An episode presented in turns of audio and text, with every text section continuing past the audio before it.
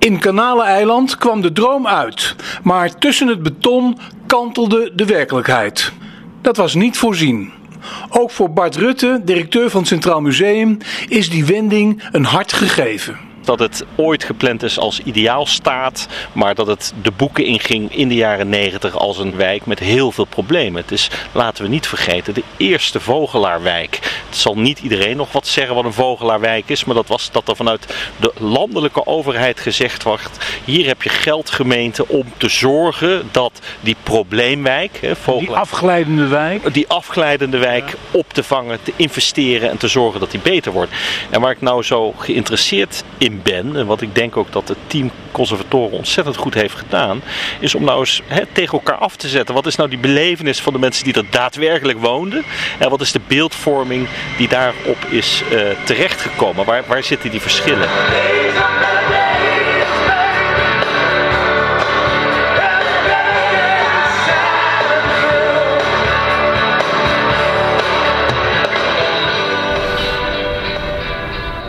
We staan bij winkelcentrum Rijnbaan, waar ook een Sultan Food Center is gevestigd.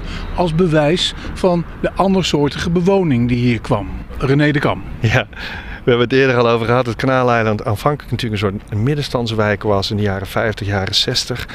Uh, mensen die bij de NS werkten, onderwijzers. En uh, dat, dat soort mensen kwamen hier met hun gezinnen wonen. En door de stijgende welvaart ging de wens van die groepen steeds meer uit van een mooi rijtjeshuis met een tuintje. In diezelfde periode dat die droom van hun, laten we zeggen, uit het beton naar die rijtjeshuizen gingen. Dat was de tijd dat we Nieuwe Gein gingen bouwen, dat Lunette kwam. Daar gingen we allemaal naartoe. Broek, dat was de ideaal. Houten, man, weet je wel? Uh, de jongeren, de, de, de, de, hippie, de hippies die kwamen en de jongeren die gingen studeren. Utrecht wordt, werd voor het eerst in de jaren 60 een echte studentenstad. Die wilden niet hier wonen, die wilden ook niet in Houten wonen. Die wilden in Witte Vrouwen wonen. Dus je ziet eigenlijk dat een wijk als Kanaaleiland met al zijn voorzieningen, met al zijn moderne gegevens, tussen wal en schip gaat raken. Ingehaald door de tijd. Ingehaald door de tijd. Waar dus nieuwe dromen in beton elders werden gerealiseerd. Ja, maar ook hier werden nieuwe dromen gerealiseerd. Dat moet je niet vergeten. Want deze woningen waren open, licht, lucht, relatief goedkoop. En kwamen doordat de rest naar andere plekken gingen. En dat is ineens beschikbaar voor mensen die hier vrij kort daarvoor misschien wel waren komen wonen. Die nu weggestopt zaten in arbeiderswijkjes in die periode. Zoals witte vrouwen. Die echt slechte voorzieningen hadden. Vaak nog niet eens een watercloset. Mm. En dan kon je hier gaan wonen. Dus, dus er komt hier een nieuwe generatie met nieuwe dromen. En dat is dan veelal inderdaad mensen met een, een migratieachtergrond misschien. Die voor een goede prijs een goede woning krijgen. En die omslag is ergens in de jaren negentig gaat dat heel snel. Omdat die veranderingen ook heel snel gaan. Maar dat was dus geheel buiten de visie van die oorspronkelijke utopisten die in de jaren 50 aan Kanaaleiland begonnen te dromen. Deels zou je dat zo kunnen zeggen. Het was uit de hand gelopen? Nee, ik weet niet of het uit de hand is gelopen. Je bouwt in een bepaalde tijd met een bepaalde visie voor een bepaalde groep.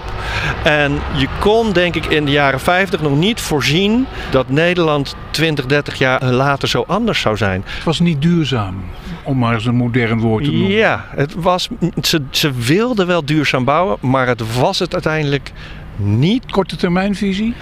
Nou, nee, ja, misschien. Maar je moet ook niet vergeten dat ook met die nieuwe groepen bewoners die hier komen, wat ik al zei, ook een soort dromen in beton. Daar is het een hele fijne wijk voor. En, die, en dat voldoet weer aan wat ze aanvankelijk wilden, namelijk een fijne wijk voor bewoners. Dus daar zit hem volgens mij niet zozeer de problematiek in. De problematiek zit er meer in dat uh, het, het vooral een wijk wordt waar mensen komen met allemaal eenzelfde sociale achtergrond. Met ook veelal en op dat moment een, een, een achtergestelde achtergrond. Dus je haalt hier mensen naartoe die op dat moment moeilijkheden hebben, bijvoorbeeld om werk te krijgen. Op het moment dat er iets gebeurt in de samenleving. En je moet ook niet vergeten dat Utrecht jaren 80 failliet is. Hè? We zijn een artikel 12 gemeente. Er is werkeloosheid. Er is... En juist de groep die hier komt is het meest kwetsbaar. En daar gaat het volgens mij op mis. Ze krijgen ook tweede generatie kinderen met de bijbehorende moeilijkheden. Ja, het is een heel complex probleem natuurlijk. En dat hoopt zich eigenlijk allemaal op. Omdat ze hier allemaal hun dromen proberen te verwezenlijken. Omdat het goedkoop is. Ze gaan ook bij elkaar zitten. Dus ook de ene kant natuurlijk ook fijn.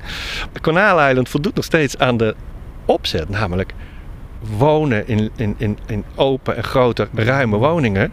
Om de middenklasse en de arbeiders deels ook van toen een plek te geven. Alleen het verandert qua samenstelling heel erg. De migrantenzonen, vooral zij, dromen niet meer. Die hebben geen perspectief. En dan loopt het ook uit de hand. Nou ja, ik Voor denk, een periode. ik denk dat het stellig is om te zeggen dat ze niet dromen. Ik denk dat ze wel degelijk dromen, maar ze hebben inderdaad geen perspectief. Ja, dat vind ik mooi aan onze titel. Dromen in beton. Het voorspelt gaat altijd over dromen van de toekomst, van een betere toekomst. Dus ik denk dat die jongeren wel degelijk droomden, alleen er was geen perspectief. En dat maakt het zo uitzichtloos. En uitzichtloos, ik ken het ook van mezelf, als je denkt, als je in een situatie zit waar je, waar je niks meer aan kunt veranderen, dan, je, dan krijg je bepaalde gevoelens bij. Kijk naar de balkonnetjes op de Marshalllaan. Daar hangen kleren te droog aan draden. De schotelantennes zijn er gericht op het wolkendek. Dat hoorde ook bij dat beeld dat toch een tijd lang heeft eh, bestaan van een broeierig ghetto. Ja, het hoorde daarbij, ja. Toen Kanaleneiland een hele negatieve connotatie kreeg. Ja. Ja, wat ook heel erg samenviel met de, tijd dat bijvoorbeeld er geen geld meer was om de openbare ruimte goed te onderhouden. Kanaaleiland stond altijd bekend als het rozeneiland. Overal rozenstruikjes, dingen. Die werden in de jaren tachtig allemaal weggehaald. Het was ook bij woningbouwvereniging, bij de gemeente, armoedtroef. Al die dingen vallen samen. Dus zo'n wijk, ik geloof daar namelijk zelf heel heilig in. Als omgeving er niet meer prettig uitziet, niet goed onderhouden wordt, dan voelen bewoners zich er ook al minder senang en minder verantwoordelijk voor. Dan wordt dat een soort zelfdraaiende machine. Er is geen hechting. Er is geen hechting, er is geen, geen verantwoordelijkheidsgevoel meer. En dat komt omdat, eh, omdat ook in, in, op die momenten, eh, ja, weet je. Ik heb heel vaak lange wandelingen gelopen door, eh, door allerlei landen. En overal waar je komt, waar plekken verwaarloosd zijn, dan wordt dat vaak nog weer erger. Omdat, weet je, eigenaarschap is, is belangrijk. En als je je onthecht voelt en je hebt weinig toekomstperspectief, maar je droomt wel, ja, wat, wat, dan gaat het alle kanten op volgens mij. Kanaaleiland wordt Vogelaarwijk. 2007. En dat is een kentering. Ja, Noodzakelijk. Noodzakelijk. Je moet natuurlijk ook altijd bij Kanaaleiland niet vergeten dat dit niet de enige plek in Nederland is waar dit soort problematiek speelt. We hadden in Utrecht daar ook problematiek in Overvecht, in andere wijken. eh, zuilen, hè, bij, bij Osweert. Maar in Nederland zijn er natuurlijk veel meer van ditzelfde, hetzelfde probleemwijken. En dat werd natuurlijk op een gegeven moment ook wel onderkend. Ook wel onderkend dat je een wijk zoals dit en de bevolking die daar zit ook niet aan zijn lot over kan laten. Want daar, hè, dat, dat, helpt het helemaal niet. Dus, dus er komt in 2007 inderdaad met die Vogelaarwijken een, een kentering. Het nadeel is natuurlijk dat je het stigmatiseert eerst. Hè, door er zo'n sticker op te plakken en zeggen, oh ja hoor. Ehm, en wat we zelf tijdens het onderzoek naar, naar Kanaaleiland ook wel hadden, is dat je ziet, Kanaaleiland wordt ook heel graag gebruikt door de pers om die sticker op te plakken. né? Eh, je zou het ook kunnen zeggen dat Kanaaleiland in, in, in zekere zin de, de, de barometer werd van de, het wel of niet slagen van de multiculturele samenleving. Dat is een heel belangrijk iets. Hè? Dus hier ging al die pers die ging hier naartoe. Nou ja, je komt zelf uit de pers, je weet, pers wil graag schuren. Dus pers komt niet om te laten zien dat het goed gaat alleen. Die willen ook graag laten zien dat het niet goed gaat. Dus die dingen komen allemaal bij elkaar. Maar ik denk wel dat 2007, door het ook serieus te gaan nemen dat dit niet vanzelf goed komt, dat je dat toch wel als een soort scharnierpunt kunt zien in de geschiedenis van Kanaleneiland. Waar ik ook alle mensen die ik heb gesproken allemaal zeggen zo 2007, 2011. 2011 is ook een belangrijk jaar. Dat daarna de wijk weer begint op te krabbelen. Want wat gebeurt er in 2011? Nou ja, ik denk dat rond 2007 wordt er een beleid uitgezet. Er worden, er worden soms ook best wel, eh, hè, er zijn allerlei dingen geweest als het samenscholingsverbod, noem maar op. Maar rond 2011 begint er ook een duidelijke visie te komen vanuit de gemeente. Om te zeggen van, willen we Kanaleiland weer beter op de kaart krijgen? Krijgen, zullen we ook weer moeten werken aan meer diverse bewoning. Dus betekent dat je verschillende soorten woningen moet gaan maken, verschillende prijsklassen, kijken of je de koopwoningen kunt doen, uh, zodat de bevolking meer divers wordt, zodat je daarmee ook weer een, ja, gezond is misschien niet helemaal het goede woord, maar misschien ook wel een meer gezonde samenleving krijgt, waarin iedereen vertegenwoordigd is en iedereen een plek heeft. En dat is denk ik wat rond 2011 is begonnen. Bouwen, dromen en realiseren van een ander soort bezieling ander wijkgevoel. Ja, maar ik denk dat je moet realiseren, in de jaren 50 was Nederland nog zo'n wit land. Met wel katholieken, gereformeerden, hervormden en socialisten. Uh, en in de jaren 90, 2000 was Nederland een heel multicultureel land. Een totale andere samenleving. Dat begon in de jaren 50 misschien voor het eerst met de Indische Nederlanders. Maar in, rond 2000 hebben we zo'n andere samenleving. En dat is ook heel erg mooi, vind ik. En dat betekent dat je dus ook vanuit perspectieven anders moet bouwen, anders moet denken, anders moet omgaan met je eigen stad en met je eigen wonen, zodat iedereen daar goed zijn plek in krijgt. Dat is heel belangrijk. Blijven dromen. Ja, absoluut. Ja, ja, ja, ja, ja. ja. Maar genoemd stigma blijft. Terwijl het klimaat in de wijk, net als in andere Nederlandse wijken, maar we blijven in Utrecht, Kanaleiland, mm -hmm. verandert. Ja, dat... Hardnekkig, zo, ja. dat breed gecommuniceerde. Ja, dat, er is bijna niks zo moeilijk volgens mij als dat soort stigma's van je af te mhm. schudden. En je ziet het ook met dat schietincident van eh, afgelopen maart. 18 maart 2019, ook een datum. Ja, heel erg datum die bij iedereen denk ik hier in Utrecht, uh, iedereen weet nog waar die was, bij wijze van spreken deels van het noodlot wil ook nog zijn dat het, dat het hier vlak bij Kanaaleiland gebeurt. Was die tram net een, uh, kilometertje verder uh, was hij bij, op het Westplein. Daar had niemand die link met Kanaaleiland gemaakt. En je ziet gelijk overal weer, en zo werkt ook de pers, uh, het gaat ineens weer over Kanaleiland. Dus terwijl het hier al zoveel beter gaat. En, uh, dus, dus ook dan wordt weer die wijk als barometer gebruikt om dat schietincident mee af te wegen. Het was ook de reflex van al die goedwillende, multiculturele mensen die hier wonen, met al die nationaliteiten bij elkaar, mhm. die juist wisten dat het al een stuk beter ging Kanaaleiland. Ja, nou ja, dat is natuurlijk ook heel mooi dat je als eerste reactie zie je ook gelijk. Dat is heel mooi, bijna een primaire reactie dat ook de moslims, alle bewoners, iedereen is verenigd. Ze komen allemaal. Ik ben bij de gemeente Utrecht geweest om als conservator stadsgeschiedenis te kijken naar de, de dingetjes die hier neer zijn gelegd. Die zijn door de gemeente allemaal heel netjes bewaard en opgeslagen. Heel keurig. Die Bloemenzee, bij de boom, bij de halte aan het 24 oktoberplein. Precies, en dat is allemaal door de gemeente heel netjes nu, uh, nu verzameld en, en, bij elkaar gehouden. En, en, we moeten nu met elkaar kijken van wat gaan we daarmee doen? Gaan we dingen in de collectie opnemen van het museum? Gaan dingen naar het Utrecht archief, bla bla. Maar wat je daar toch uit meekrijgt, is die reactie ook van de wijk, van de Utrechters, maar ook van de wijk. En dat is eigenlijk ook heel erg mooi, vind ik hoor, hoe dat gegaan is. De reflex op die idiote daad was ook dat Kanaaleiland elkaar omarmde. Ja, ja. Een soort van een broederschap met elkaar, als je dat zo kunt verwoorden. Het bracht de Kanaaleilanders bij elkaar. Ja. ja, het bracht ze bij elkaar. En dat, je hebt in één keer een gemeenschappelijk vijandsbeeld. Namelijk iemand die, die inbreuk doet op de veiligheid, op jouw wijk, op hoe je die wijk ervaart. Op de bezieling van ja, De bezieling, ja. Ja, en dat is, ik vind dat eigenlijk wel heel mooi dat je dan ineens weer, dat iedereen zich Kanaleneilanden voelt. En niet van een of andere club of groep. Of, oh, hè, dat, je bent het samen.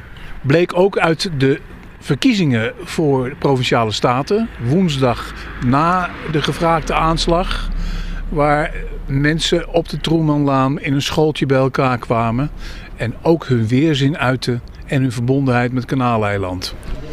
Binnen is het beeld divers, conform de bevolkingssamenstelling van Kanaaleiland. Een jongeman heeft het maandag allemaal meegemaakt, maar is het ook van invloed op zijn stem? Nee, voor mij persoonlijk is het niet van invloed, nee. Het was gewoon uh, een of andere gestoorde gek die uh, erop heeft uh, los zitten schieten. Dat, ja. Oudere mevrouw. Ik was nog geen tien minuten voorbij het kruispunt, toen is het gebeurd. niet te geloven. Ik woon hier en ik kijk vanuit mijn huis kijk ik erop. Maar u bleef bij uw stem? Ik ben bij mijn stem gebleven, ja. Ik heb op vrouwen gestemd. Jonge vrouw, het Kanaaleiland? Het is inderdaad vlakbij, gebeurt vlakbij de plek waar ik woon. Dus dat was wel echt schrikken, ja. Het is, ik vind het moeilijk om te zien dat iedereen weer met scheve ogen naar Kanaaleiland kijkt. Terwijl um, dit voor mij een goede wijk is om te wonen, een mooie wijk is om te wonen. Er zijn mooie mensen die hier wonen, die echt hun best doen om hier iets goeds van te maken. Het is hier toch stemmen in uh, vrolijke diversiteit, hè? met alle hoofddoekjes daar in de stemhokjes. In Kanaleiland leven we gewoon op een goede voet met elkaar. Uit uh, mensen uit totaal verschillende culturen. Ja, daar moeten we gewoon voor blijven vechten. Komt dat ook tot uiting in uw stem, zonder dat maandag dat heeft beïnvloed? Nou, die is in die zin daar niet door beïnvloed, maar ik stem wel bewust op een partij die uh, gaat voor een goede samenleving en niet voor haatzaaiing of voor op een of andere manier uh, polarisatie. Een van de dames met de hoofddoekjes heeft het ook gehoord. Reactie op maandag? Verschrikkelijk.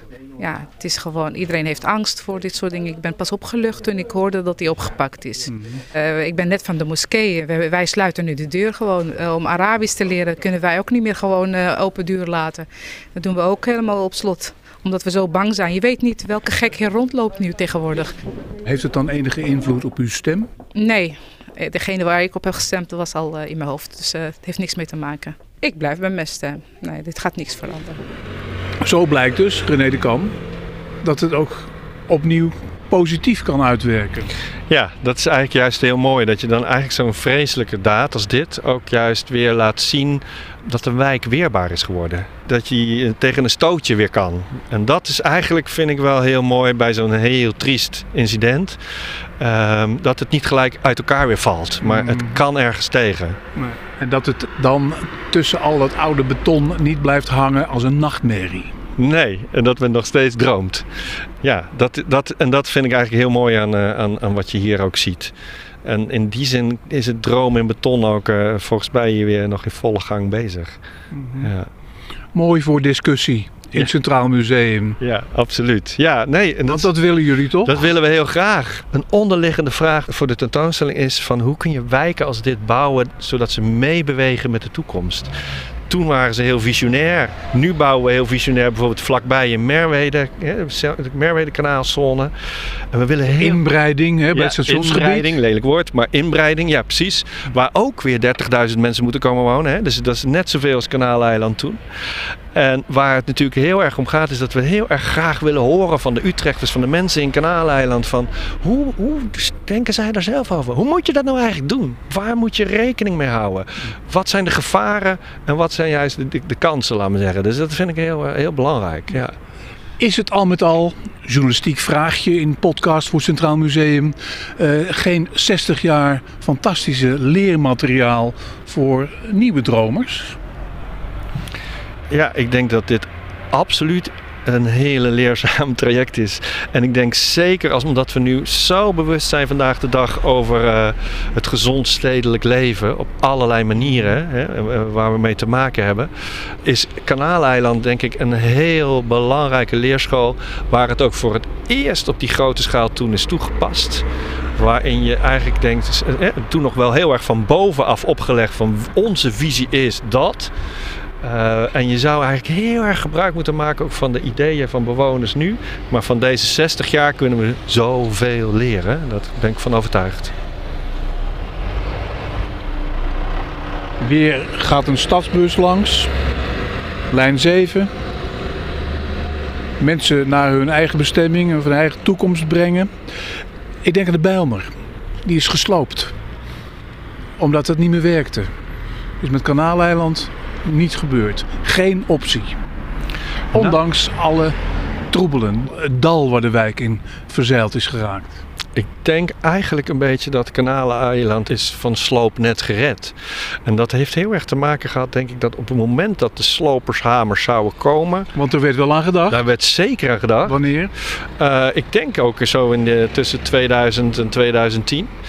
Maar toen brak uh, net rond 2008 de grote crisis uit. Mm. En toen was het eigenlijk geen optie om op grootschalige manier te gaan slopen. En dat is, heeft het denk ik ook juist weer kunnen redden. Ik weet dat mensen bij de gemeente Utrecht die heel erg bezig zijn met vanuit ook het, het cultureel erfgoed denken, ook hebben proberen aan te tonen dat er ingrepen zijn geweest in Kanaaleiland in met name de jaren 80. Uh, eh, door nieuwe portiekjes, andere kleuren, dingen. Waardoor het er ook niet altijd beter op is geworden. Maar dat in de kern die flats eigenlijk best hele fijne flats kunnen zijn. Dus er is toen veel meer gaan denken. Ook wat we tegenwoordig natuurlijk zo belangrijk vinden. Is niet alles weer slopen, maar circulaire economie. Hè? Wat kunnen we hergebruiken? Dat was voor 1950 trouwens heel normaal overal. Um, dat je niet zomaar alles weer uh, aan gort sloeg en, weer opnieuw opbouwde. En, en dat is ook een nieuwe manier van denken die er ook heeft voor gezorgd dat dat niet allemaal gesloopt werd en allemaal herbouwd is. Er is natuurlijk ook wel, eh, dat zie je zeker rondom het winkelcentrum, veel nieuwbouw gekomen om juist die diversiteit in bewoning te krijgen. Staan hier ook prachtige nieuwe bruine hoogbouwflats. Ja. Iets verderop? Iets verderop, ja, precies. Dus er is wel, maar je ziet ook dat bepaalde woningen ook nu weer zo aangepast zijn. We hebben ook nog een rel over gehad natuurlijk, met dat, uh, dat, dat, dat ze te duur zouden worden. Maar je ziet dus dat er en nieuwbouw is gekomen en aanpassing. En het is er allemaal weer.